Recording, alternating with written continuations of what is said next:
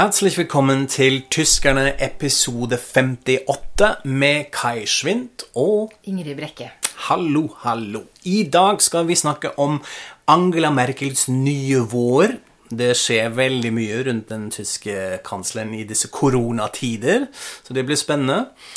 Og så skal vi spørre oss selv hva vet vi egentlig om Liechtenstein? Ja, landet, mener vi. Og i ordspalten har vi en hel dialekt. Så det blir gøy, forhåpentligvis. Men først Angela Merkel. Eh, det skjer veldig mye, eh, sa jeg nå, og det er jo sant når man følger nyhetsbildet. Hun er veldig mye i medier nå, og man får inntrykk at hun har full kontroll. Men har vi ikke nettopp sagt at hun egentlig er på vei ut? Hva skjer med Angela? Du følger jo med, Ingrid. Hva tenker du? Ja. Nei, det skjer det som du sier, det skjer utrolig mye. Det er litt sånn at først, ikke sant? Først var hun litt sånn ute av dansen. Eller hun var jo egentlig ikke det. Men det, var, det, ble skrevet ganske mye om at hun bare satt litt sånn i bakgrunnen og ikke var så involvert i dag-til-dag-styring lenger. Fordi hun skulle jo snart ut, og alt var litt sånn ferdig.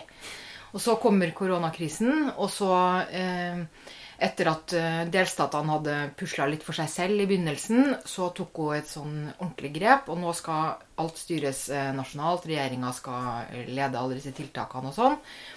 Og så begynte hun å snakke veldig mye og forklare og holde på. Og så har hun fått enormt mye ros uh, for måten hun har gjort dette på. Måten hun har leda på, og måten hun har snakka på. Uh, så det har virkelig vært uh, Det har også vært noe som har gjenspeila seg veldig i, i popularitetsmålinga. Altså hun har jo selv på sitt dårligste så har jo Angela Merkel vært forbløffende populær. Da. Det har jo aldri liksom gått helt sånn gærent. Men nå har det i hvert fall økt på igjen. Um, og partiet hennes ligger jo også veldig høyt på målingene. Mye høyere enn på kjempelenge. Uh, og så så jeg også en veldig interessant måling uh, om tillit til uh, institusjoner. Mm -hmm. Og da viser det seg også at i løpet av altså, siste måling, jeg vet ikke, et halvår eller Så har da tilliten til tyske institusjoner økt voldsomt. Mm -hmm. Og da ligger president Steinmeier aller øverst, og så kommer Angela Merkel som nummer to, og så kommer regjeringa på tredjeplass. Og så har du under der da sånn eh, domstoler og borgermester og alt mulig, og alle har økt. Mm. Så det sier jo noe om eh, hvordan man dealer med krise. Ja, ikke sant? Altså, Det pleier jo å være litt en tendens, litt avhengig av hvor mye tillit man har til en stat. Det ser kanskje litt annerledes i USA ut, men uh, her uh, og i Tyskland absolutt. Uh, og til tross for anti-koronatiltak, demonstrasjoner og sånn, at det har økt. Ja, jeg mm. tenker jo kanskje til og med på, gru på grunn av, nesten. Ja. Eller i hvert fall sånn at når ja. man ser når folk ser alle disse tullingene, ikke sant, og de kanskje også hører Donald Trump, og sånn, så blir man veldig takknemlig da, for mm. at man har Eh, myndigheter som eh, holder, eh, ikke holder på sånn. Ja.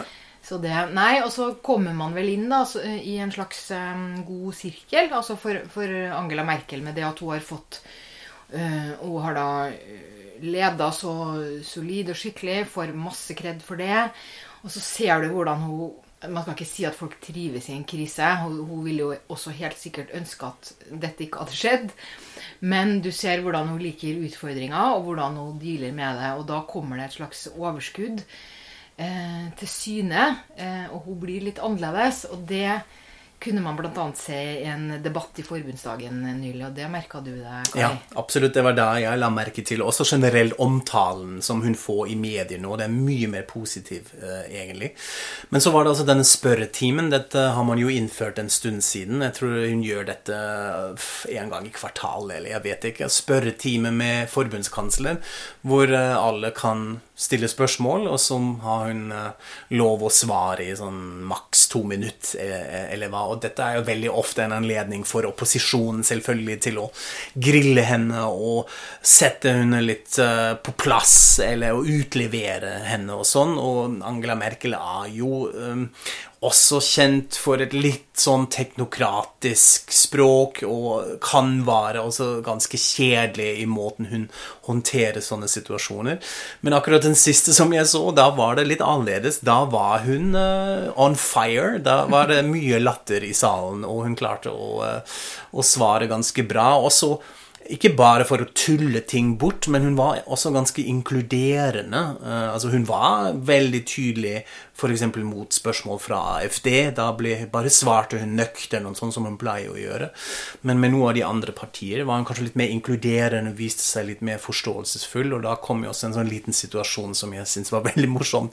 Fikk et spørsmål fra De Linke som skulle spørre et eller annet om situasjonen på arbeidsplassen og koronatiltak, og om man ikke burde opprette en arbeidsgruppe som tar litt mer hensyn på kvinner og sånt. Og da sa hun ja, det kan vi gjerne gjøre, det må bare ta kontakt med meg, jeg er åpen for dette òg. Og med det spørsmålet, som dere vet, er jeg jo ganske, jeg jo ganske tålmodig, og på tysk ville hun altså si ich bin ja ein sehr geduldiger Zeitgenosse. Men det hun sa isteden, var Ich bin ja ein sehr geduldiger Zeitpause Mensch, damit ich nicht Genosse sagen muss. Dette er litt morsomt for alle som kan tysk, fordi genosse betyr jo litt sånn comrade, altså kamerat, som kommunistene mm. kalte hverandre. Yeah. Så dette var på en måte sånn augensvinkert, uh, en liten vits mot De Linke, som er selvfølgelig det tidlige DDR-partiet, og hennes egen opphav i, DDR. Og da tenkte jeg dette er ganske morsomt uh, å si det høyt i en sånn egentlig ganske formell setting. Det viser kanskje, sier kanskje litt om stemningen, mm. men samtidig er det jo også litt forskjeller, hvordan det faktisk uh, fungerer akkurat nå. Altså, det er ikke sånn uh, gøy og latterstemning, vil jeg tro, uh, i disse koronatider. Men det sier kanskje litt om samarbeid, og at man egentlig er ganske enig i hvilken vei alt skal gå. Kanskje. Ja, det vil jeg tro. At det handler mm. mer om det. At man står sammen, og det er ikke så mye å diskutere nødvendigvis, og ja. hardt og brutalt. Mm. Og samtidig tenker jeg også at det er en slags lettelse med alt man klarer å, å le, le ja, litt av nå. Ja. Og jeg så, eh, jeg tror det var Deutsche Welle, de hadde gjort en analyse av dette møtet i forbundsdagen. Da hadde de lest referatet, det skriftlige referatet. Og da står det liksom, de hadde talt av hvor mange ganger det står sånn applaus, latter, applaus, latter. Og hadde liksom fått det fra omtrent alle, da. Også mm. FTP hadde faktisk også ledd og klappa litt og sånn. Og de har jo vært veldig kritiske. Mm. Så det er virkelig en sånn eh, Og så har vi også en, en helt eh, annen som også plutselig har eh, blitt en eh, Merkel-venn. Eller kanskje ikke plutselig, men altså innenriksminister Horst Seehofer. Mm -hmm. Han har jo eh, bl.a. vært på talkshowet Maisberger, og han ja. har også gjort et intervju eh, Jeg tror det var før det, i, i eh, Bild am Sonntag, mm -hmm. Eh, hvor han nærmest hyller Merkel. Mm. Det er jo litt sånn rart. Utypisk. Ja, det var også Meisberg i programmet som jeg også så, som var litt, prøvde å spørre litt mer. Hun var sånn, Hva skjer her? Hvorfor eh, skryter du så mye av Merkel? Som han prøvde. å jeg svarte ikke helt på. Han sier men vi har jo også vi har jo samarbeidet veldig godt i mange år. Og hvorfor skal man ikke si når det går bra? var litt sånn, ja, litt nøktern eh, svar.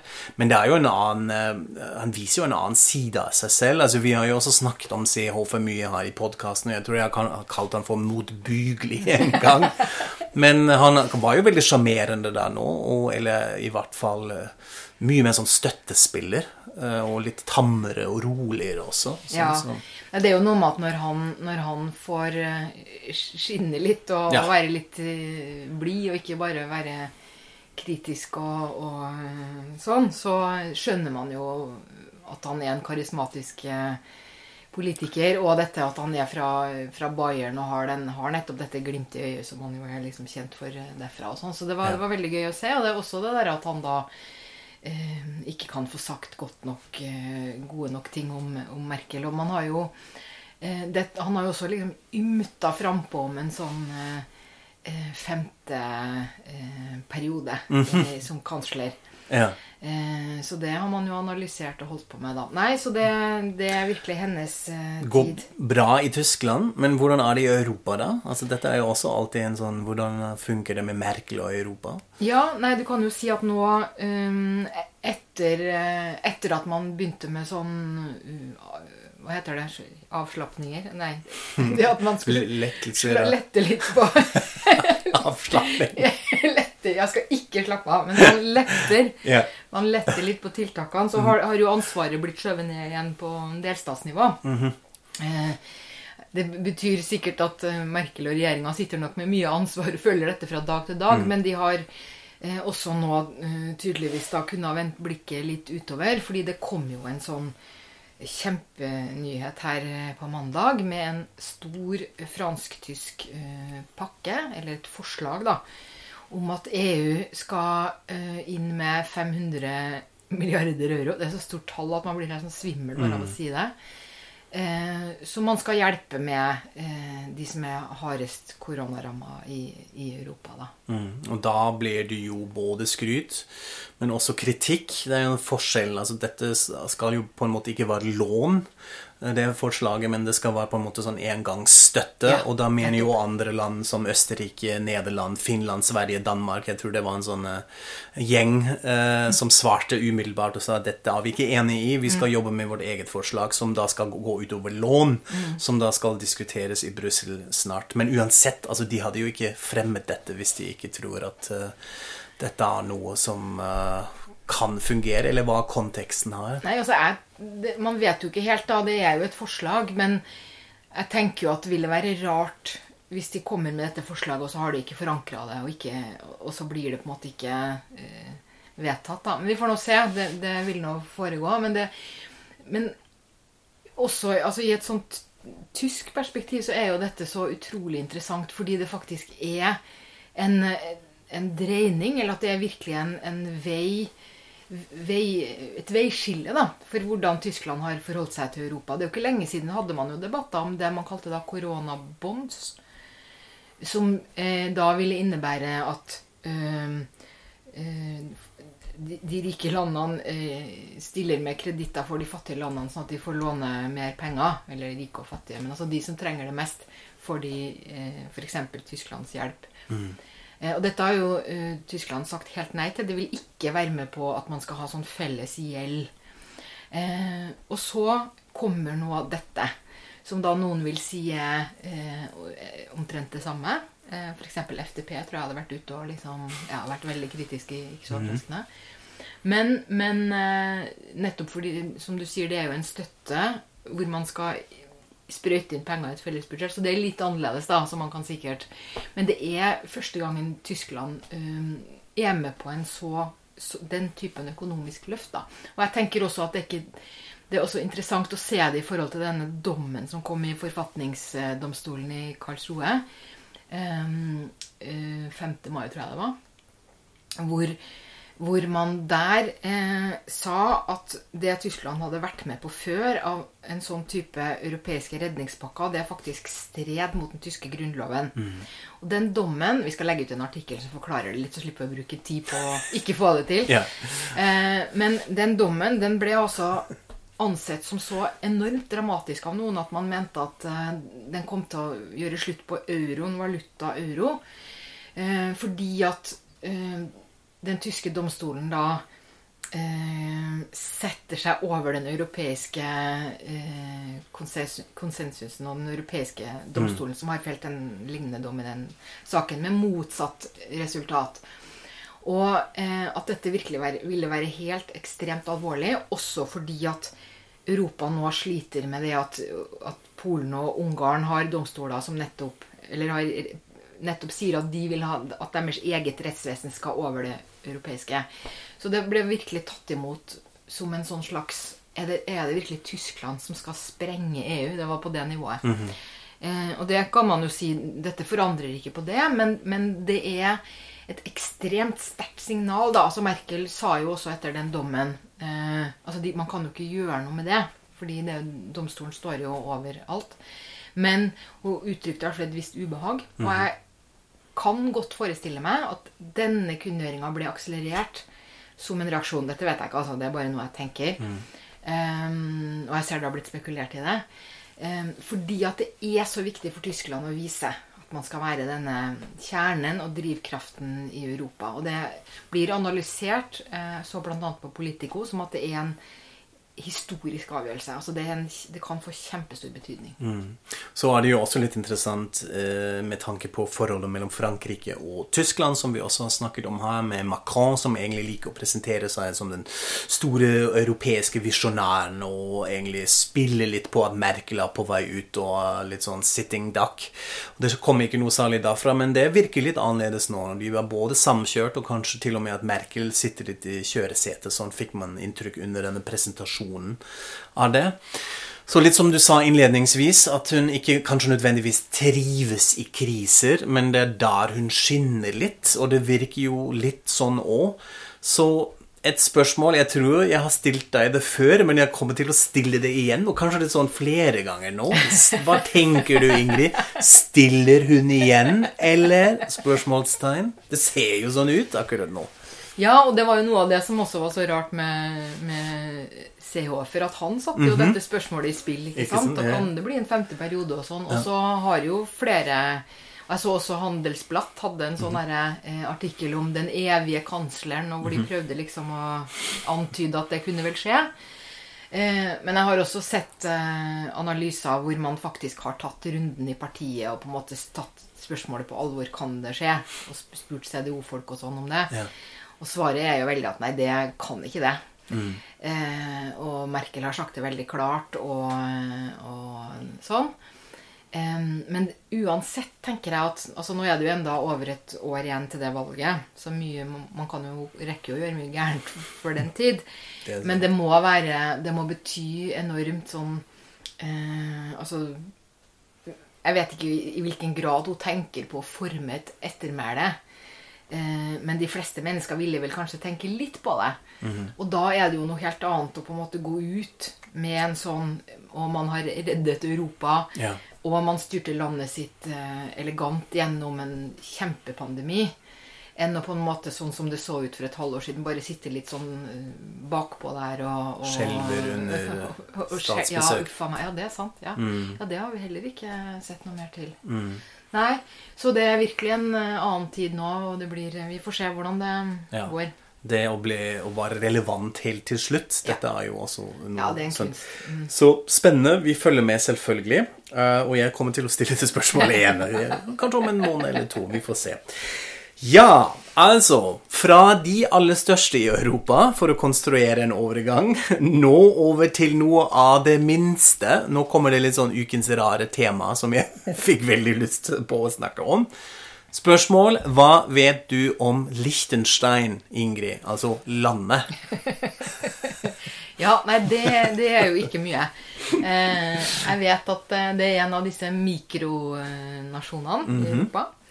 Eh, jeg tror jeg vet at de snakker tysk. Ja. Eh, og ellers, så var når du sa du ville snakke om Liechtenstein, så prøvde jeg å tenke hva er det egentlig eh, jeg har for assosiasjoner? Og det var egentlig bare én ting. Nemlig at eh, mine foreldre hadde en bok eh, av Odd Eidem, en norsk essayist, eh, i bokhylla, som jeg leste. da. Det var en tid jeg leste alt de hadde. Og der er det et essay som heter 'Hva skal vi gjøre med Liechtenstein?' Det, jeg prøvde å finne det nå, fant det ikke. Men sånn som jeg husker det, så handla det om at Liechtenstein hadde blokkert en form for kjernefysisk opprustning eller et eller annet sånt. da. Mm -hmm. Et eller annet militært som Odd Eidem syntes det var flott at de gjorde. Men hvordan en sånn liten nasjon bare kan stille seg på tvers og ja.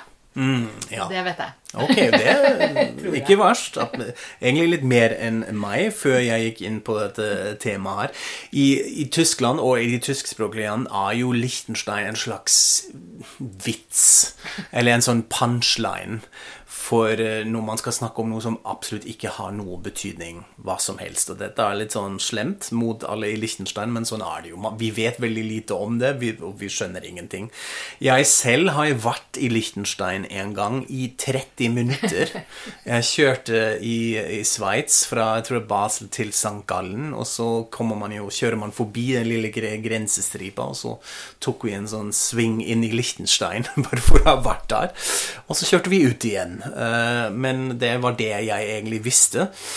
Men nå har jeg jo gjort eh, litt research her, fordi jeg vet ikke hvordan jeg kom inn på dette. Jeg tror det dukka opp i en samtale, og så spurte jeg egentlig meg selv ja, hva vet egentlig jeg om Liechtenstein? Og så var jeg i gang, og nå snakker vi om dette her. Jeg har funnet en del og kommer med noen eh, facts. Noen av den fun facts. Skal vi bare hoppe rett inn på dette og lære litt om Liechtenstein? Altså, dette ligger jo mellom Sveits og Østerrike, et bitte lite land som har litt over 38 000 innbyggere. Det er de nyeste tall som jeg har researched.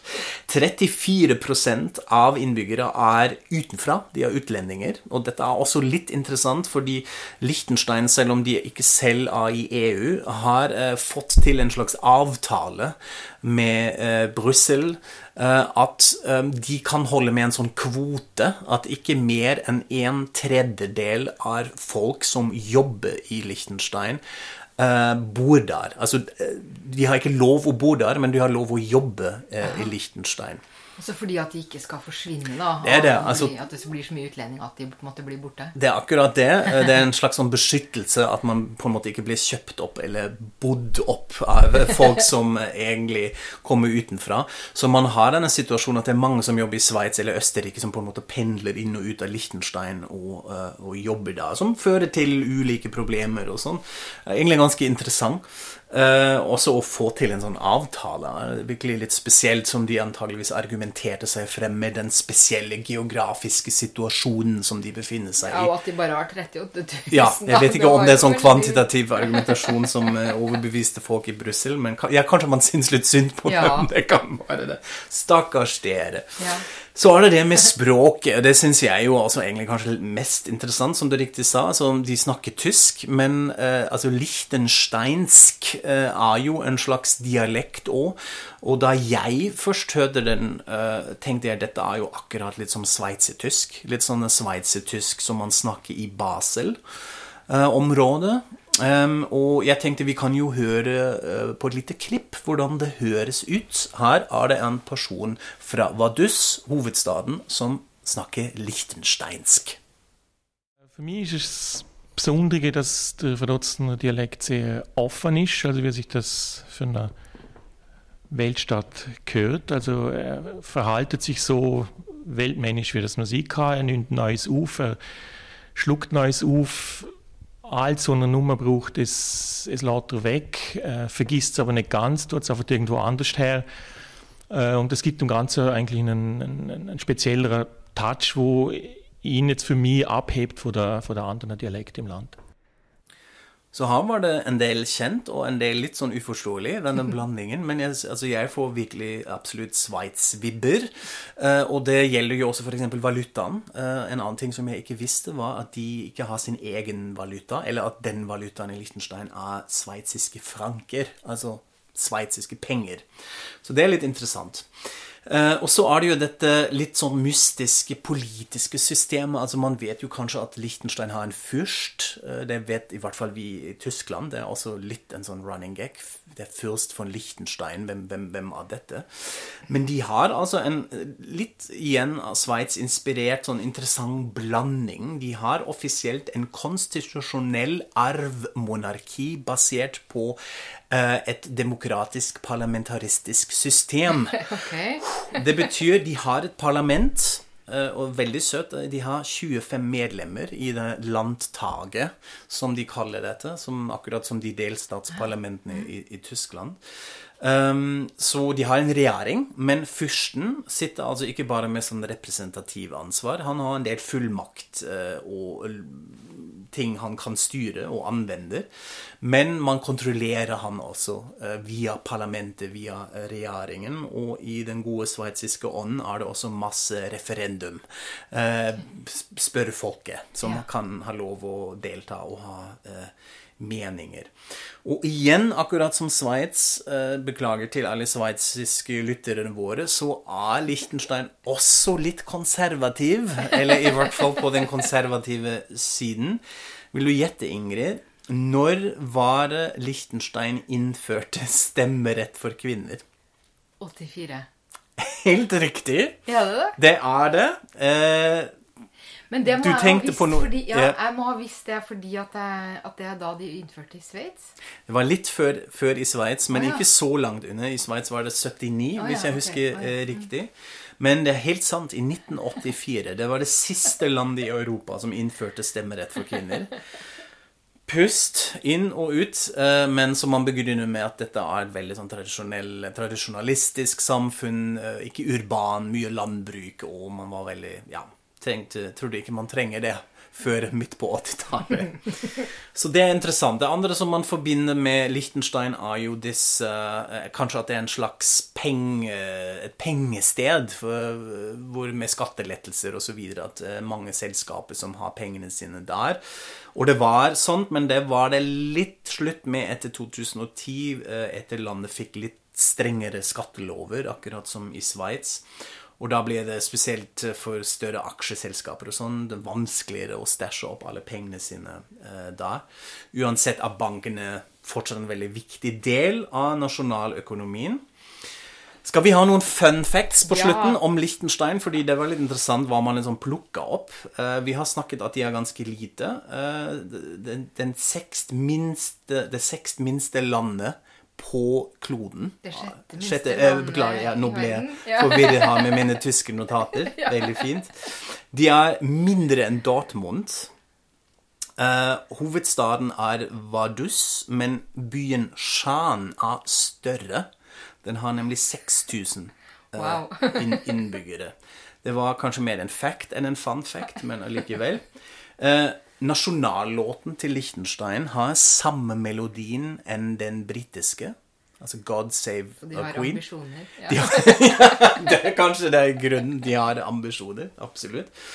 Og nå en virkelig fun fact. Liechtenstein er eh, verdensmarkedleder i produksjon for kunstige tenner. De har et firma da som heter Ivoclar Vivadent, eh, som eksporterer rundt 60 millioner tenner hvert år til ulike land. Og en stor del går f.eks. til Bollywood-filmindustrien i India. Wow. Så de er antageligvis veldig interessert i tenner fra Liechtenstein, eh, som lager de spesielt bra. Og nå følte jeg bare at uh, neste vennemiddagen er redda. Det er noen sånne fine facts man kan snakke om.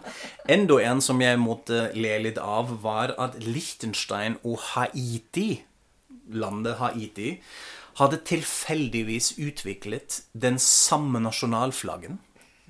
De har samme fargene, eh, blått og rødt, også med samme konstellasjon, altså hvordan de stripene ser ut. Og det ble ikke oppdaget før under OL i Berlin i 1936, når de begge marsjerte inn med samme type flagg. Og så på og tenkte dette jo, dere har jo våre flagg, nei, vi har deres. Så da var det litt pinlig, eh, et pinlig øyeblikk mellom de to land, og derfor la til Liechtenstein den første kronen til flagget sitt nå. Så de har eh, nå en liten forskjell, da. De måtte sikkert eh, forandre på sitt fordi de var minst, tror du ikke det? ja, det tror jeg kanskje òg. At, at de måtte, måtte gjøre dette. Så er det mye man kan finne ut om disse fyrstene og denne fyrstefamilien. Det skal vi ikke gjøre nå, men enda en sånn ja, fun fact kanskje er at de egentlig ikke flytta inn til slottet Ivardus før 1938. Før bodde de i Østerrike, egentlig helt siden 1600-tallet, og hadde basen sin der, selv om de styrte uh, Liechtenstein. Men så annekterte jo Hitler Østerrike i 1938, og da tenkte den første familien dette blir litt eh, for mye for oss, nå skal vi flytte inn uh, i slottet i Vardus. Og så, siden den tiden har de altså bodd der. Så har de heller ikke noen flyplass, en egen sånn stor flyplass. De må fly inn og ut i St. Gallen eller Zürich i Sveits, det er de som er nærmeste. Um, men så har de noen sånne små eh, flyplasser rundt omkring. Mye annet man kunne snakke Jeg fant mye om uh, mat i Liechtenstein og sånne ting, men jeg tror vi gir oss her. Det holder. Ja, du må, Det er Ja. en ting du ikke har eh, Ja. sagt, da, og det Du har jo vært i Liechtenstein. Ja. ja, var det noe fint? Nei. Nei. Det var litt kjedelig, eh, som jeg fortsatt egentlig syns Liechtenstein er. Nå vet vi jo litt mer, men det, var ikke, ja, det så jo akkurat ut som på andre siden av grensen. Og så var vi jo bare da 30 minutter, så det telles jo ikke. Jeg har ikke egentlig vært i uh, Hatt en kveld i Vardus eller sånn. Kanskje dette er Kanskje det er fantastisk. Det er sikkert helt fantastisk. Men da vet vi alle mer uh, om Liechtenstein, om Ja, vi ville absolutt. eller ikke. Um, da gjenstår egentlig vår ordspalte, og da har vi jo litt sånn mystisk lovd at vi har en hel dialekt. Og det var du som forberedte dette, Ingrid. Jeg vet ikke helt hva som skjer nå. Hva, Ja. hva har vi der? Da har vi nemlig, Dere hører kanskje at det rasler litt i en bok her nå. Fordi jeg har rydda i bokhylla mi, som man jo kan gjøre når man er mye hjemme. Og da fant jeg en eh, bok som jeg fikk i gave da jeg flytta fra Berlin. Og den heter da 'Sprechen Sie Berlinerisch'. For right. und mm -hmm. solche die es noch werden wollen. Okay. Og det er altså en eh, slags eh, berlinsk ordbok. Og den er veldig fin, for at den tar for seg en masse sånn berlinske ord i alfabetisk rekkefølge. Og så er det liksom små sånne firkanter innimellom med forskjellige typer fakta. da. Matoppskrifter, berømte berlinere og i det hele tatt. Så denne begynte jeg jo å bla i, og da har jeg tatt med meg noe Jeg kom, jo- har ikke kommet lenger enn til A, for det, allerede der var det utrolig mye fascinerende greier. Ja. Um, så da tenkte jeg bare kunne nevne to veldig rare ord. Nemlig auspuff-brumme og auspuff-mietze. Jeg vet ikke om du skjønner hva dette Altså, betyr? jeg forstår begge deler av det sammensatte ordet. Altså, Auspuff er jo sånn eksost. Og meets og brumme er vel et ord for eh, kvinne. Ja. Nedlatende, men jeg skjønner ikke helt uh, Ja. betydningen av hele. Altså, det står her på I den høytyske oversettelsen så står det jo da 'motorradbraut'. Men, Ja, men her på norsk har vi jo faktisk et ord som jeg tror er helt perfekt, nemlig eksosrype. Okay. Litt gammeldags, da, men det, jeg tror det er det det er. Og så tror jeg kanskje også at Brumme er litt hyggeligere, og Meets er litt mer sånn eh, Jeg vet ikke. Litt mer nedlatende. Litt mer, ja, det betyr jo Ja. katt. Og, Ja. ja. Et litt sånn uh, rart ord, da. Men i hvert fall når jeg drev og googla dette, så fant jeg jo også et, en uh, popstjerne, kan vi kanskje kalle det, som, har kall, kalt seg for, som kaller seg for Meetse Katz. Og det er altså en uh, sanger i elektropopgruppa Mia. Dette er en helt sånn assosiasjon, altså, men jeg hadde så lyst til å si det, fordi at jeg syns også det var så morsomt at hun har valgt å ta et sånn pseudonym når hun har et veldig kult ordentlig navn. Maria Mummert. ikke det bra? Veldig fint. Veldig kul musikk. Altså, vi kan eh, altså lenke litt til musikk mm. til eh, Mia. Det var en stund siden at de var litt sånn i listene. listene. Men eh, ja, bra. Jeg kjenner henne. Mietze. Absolutt. Ja, Ok. Bra. Um, og så tenkte jeg skulle si uh, eh, Det står nemlig også fortsatt på A, da. Så står det atsjø, Ja. eh, som man da sier i stedet for kyss. Og dette er da eh, i en sånn liten boks som handler om at man kan ikke eh, være berliner uten at man kjenner disse franske Ja. elementene. Ok, sånn Ja. adjø altså det, skulle nettopp si, det høres jo fransk ut. Ja. Så da har de jo en del ord Ja. eh, som har påvirket Ja. av dette. Ja. Så det de nevner her Og dette handler jo om at eh, hugenottene kom eh, Ja. på, i 1685, ser jeg det står her. Eh, ja. Så man har, bruker mer franske ord enn en, eh, Kanskje ikke enn i Frankfurt, men i hvert fall i den delen av eh, Tyskland. Og da har man eh, Det som er nevnt her, er adjø, og så er det avec. Altså med. Og så er det Det syns jeg var veldig fint. Amusement. Amun ja, amusement. absolutt, med berlinsk uttale. Så det er jo sånn eh, uttale. underholdende Ja. eller ja. Mm. Og så er det Det syns jeg var litt vanskelig, da. Bretolje, står det. Mhm. Ja, en sånn knipe. Altså, Ja. Bretolje har vi på hessisk òg. Ja. Eh, jeg tror det er faktisk flere dialekter som er påvirket av hugenottene. Så man har en del franske ord som ble uttalt helt på tysk. Ja. Men eh, absolutt i Berlin da også, antageligvis. Spennende. Og til sist så nevner de også da courage. Ja. Altså mot. Mot. Mot av courage, da er vi jo eh, i Brechtlandet Ja, her, så det passer jo enda mer i Berlin. Spennende. Ja, så det var det jeg hadde Mhm. fra min berliner ordbok denne gangen. Men jeg tenkte vi skulle avslutte med at du, Kai, du skal få lov til å lese en vits. på berlinsk. Oh. Som står i den fine boka. Ok, så jeg må, jeg må prøve å uttale den på berlinsk. Ok, den er kort. Jeg skal prøve. Ein unbeliebter Stammgast bestellt in einer Berliner Kneipe. Heute hätte ich gern mal was, was ich noch nie hatte. Na, sagt der Kneipier, da würde ich Ihnen Hirn empfehlen. Beklager til alle fra Berlin at jeg slakter litt den dialekten. Skal vi oversette den? Ja. Det må du gjøre. ja. Jeg syns i hvert fall den er veldig morsom. Jeg har jo nesten lest den allerede tre ganger, men den er morsom fortsatt. Altså, en, en upopulær stamgjest eh, bestiller, eh, bestiller i en kneipe i Berlin. I dag vil jeg gjerne ha noe som jeg ikke har hatt før. Ja ja, sier eh, kneipeeieren. Da vil jeg anbefale gjerne. Ja. Funker på norsk òg. Artig. Veldig bra. For en reise i dag fra stor politikk i Europa til Liechtenstein og til Berlin. Det var det vi hadde. Følg oss på Facebook, hvor vi jo legger, en, en del, legger ut en del også fra episoden i dag. Lik og del. Finn oss på alle mulige plattformer. Og så høres vi snart igjen und sage auf Wiederhören. Auf Wiederhören.